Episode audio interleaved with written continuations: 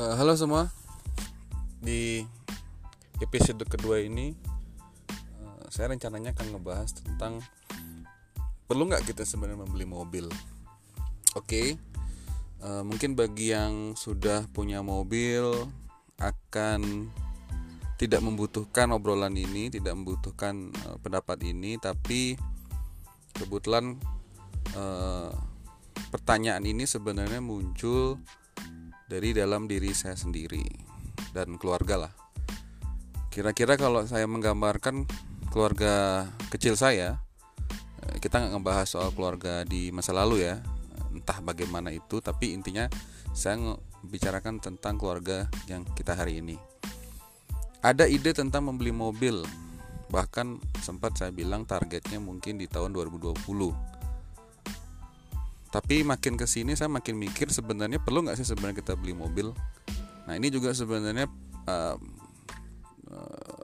pendapat ini mungkin cocok bagi juga para pendengar yang juga memiliki keinginan membeli mobil. Dan jawabannya adalah tergantung. Nah jadi saya sendiri nggak suka dengan pendapat jawaban yang hitam putih ya karena uh, di usia yang sudah di kepala tiga ini akhirnya menyadari bahwa kadang hidup tidak sehitam putih itu kadang ada beberapa gradasi-gradasi pendapat yang kita tetap harus akomodir. Nah kembali lagi terkait soal mobil perlu nggak sih sebenarnya kita beli mobil? Jawabannya tergantung. Nah kata tergantung ini satuan ukurnya kan jelas. Kalau saya sendiri satuan ukurnya adalah apakah mobil itu yang akan kita beli itu mampu meningkatkan pendapatan kita. Nah, patokannya kan patokannya di situ. Jadi patokan yang kita akan selalu pakai adalah patokan tentang pendapatan. Kalau saya boleh cerita sendiri, saya sendiri sebenarnya profilnya kan tinggal di Denpasar.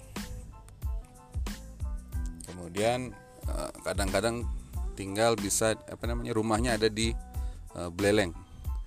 Jadi kalau teman-teman yang mungkin tidak tahu letak ke kabupaten di provinsi Bali, kira-kira jaraknya itu 2 sampai 3 jam.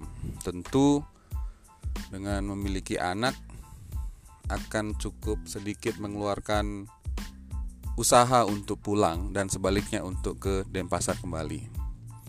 Nah, dari situ kemudian muncul keinginan untuk beli mobil.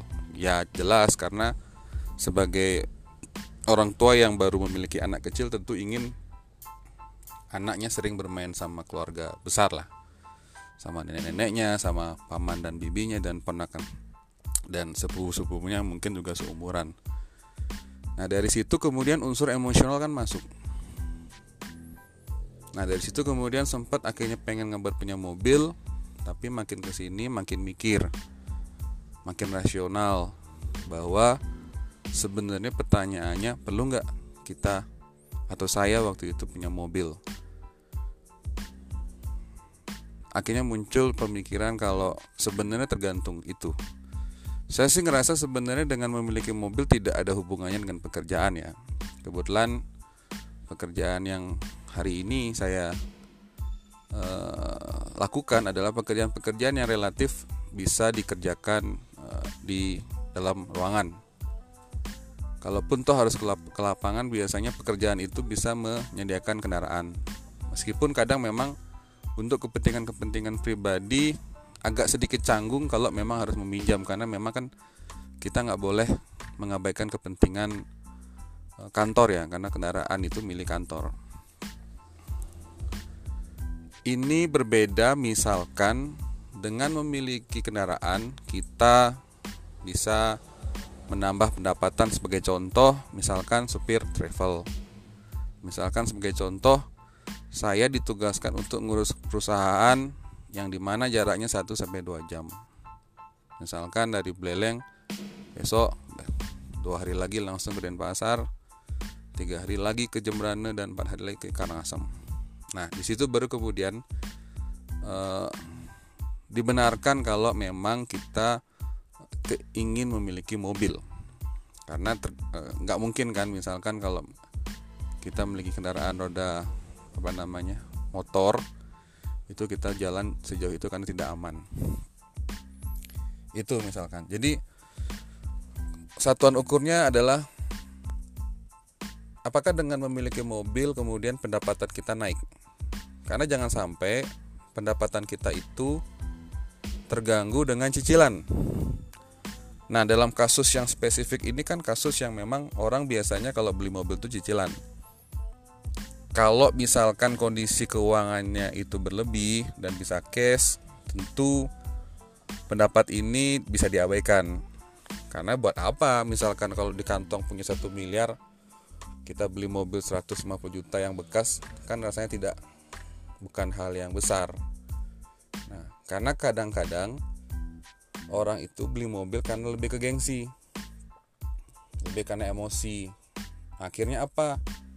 Mereka hanya memikirkan tentang misalkan oh murah kok. Misalkan DP 10 juta kemudian cicil 2 sampai 3 juta atau bahkan 4 juta.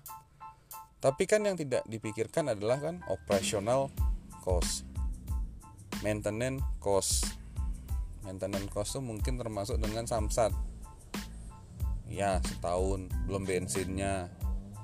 Belum misalkan harus dicuci misalkan atau harus dilap atau mungkin kadang-kadang ada beberapa oh ganti oli misalkan. Nah itu yang membuat sebenarnya keputusan untuk membeli mobil itu mestinya dipertimbangkan dengan kebutuhan dan eh, apakah itu besar sedikitnya itu mempengaruhi dengan pendapatan. Kalau misalkan dengan ada mobil pendapatan kita kira-kira nambah 2 sampai 3 juta, kenapa tidak? Nah, itu sebenarnya di situ lebih ke sana sebenarnya pertanyaannya kenapa kita um, atau mungkin um, penting nggak sih mobil itu nah itulah yang kemudian hari ini mencoba menahan saya beli mobil karena nggak mungkin kan misalkan dari uh, anggaran rumah tangga yang kita sudah susun tiba-tiba harus uh, terkuras habis nyicil mobil. Akhirnya satu tiap bulan itu ngos-ngosan gali lubang tutup lubang. Yang ada biasanya bertengkar sama pasangan. Yang ada biasanya ketika bertengkar sama pasangan anak-anak kena dampak. Itu sih. Jadi jangan sampai anggaran rumah tangga terlalu ketat gara-gara mencicil mobil padahal sebenarnya kalau dipikir-pikir nggak ada hubungannya dengan pekerjaan kita.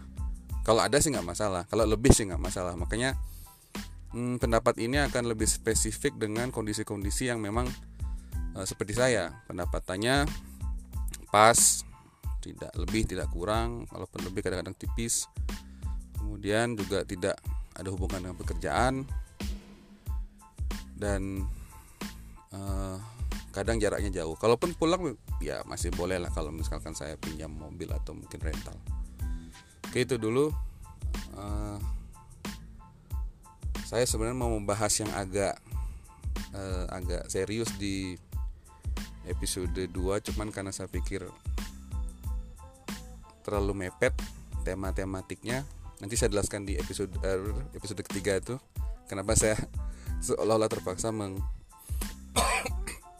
meng mengupdate podcast ini dengan pendapat tentang hal yang sangat uh, membeli seperti membeli mobil ini Nanti saya akan jelaskan di episode berikutnya. Oke, itu dulu dari saya. Salam.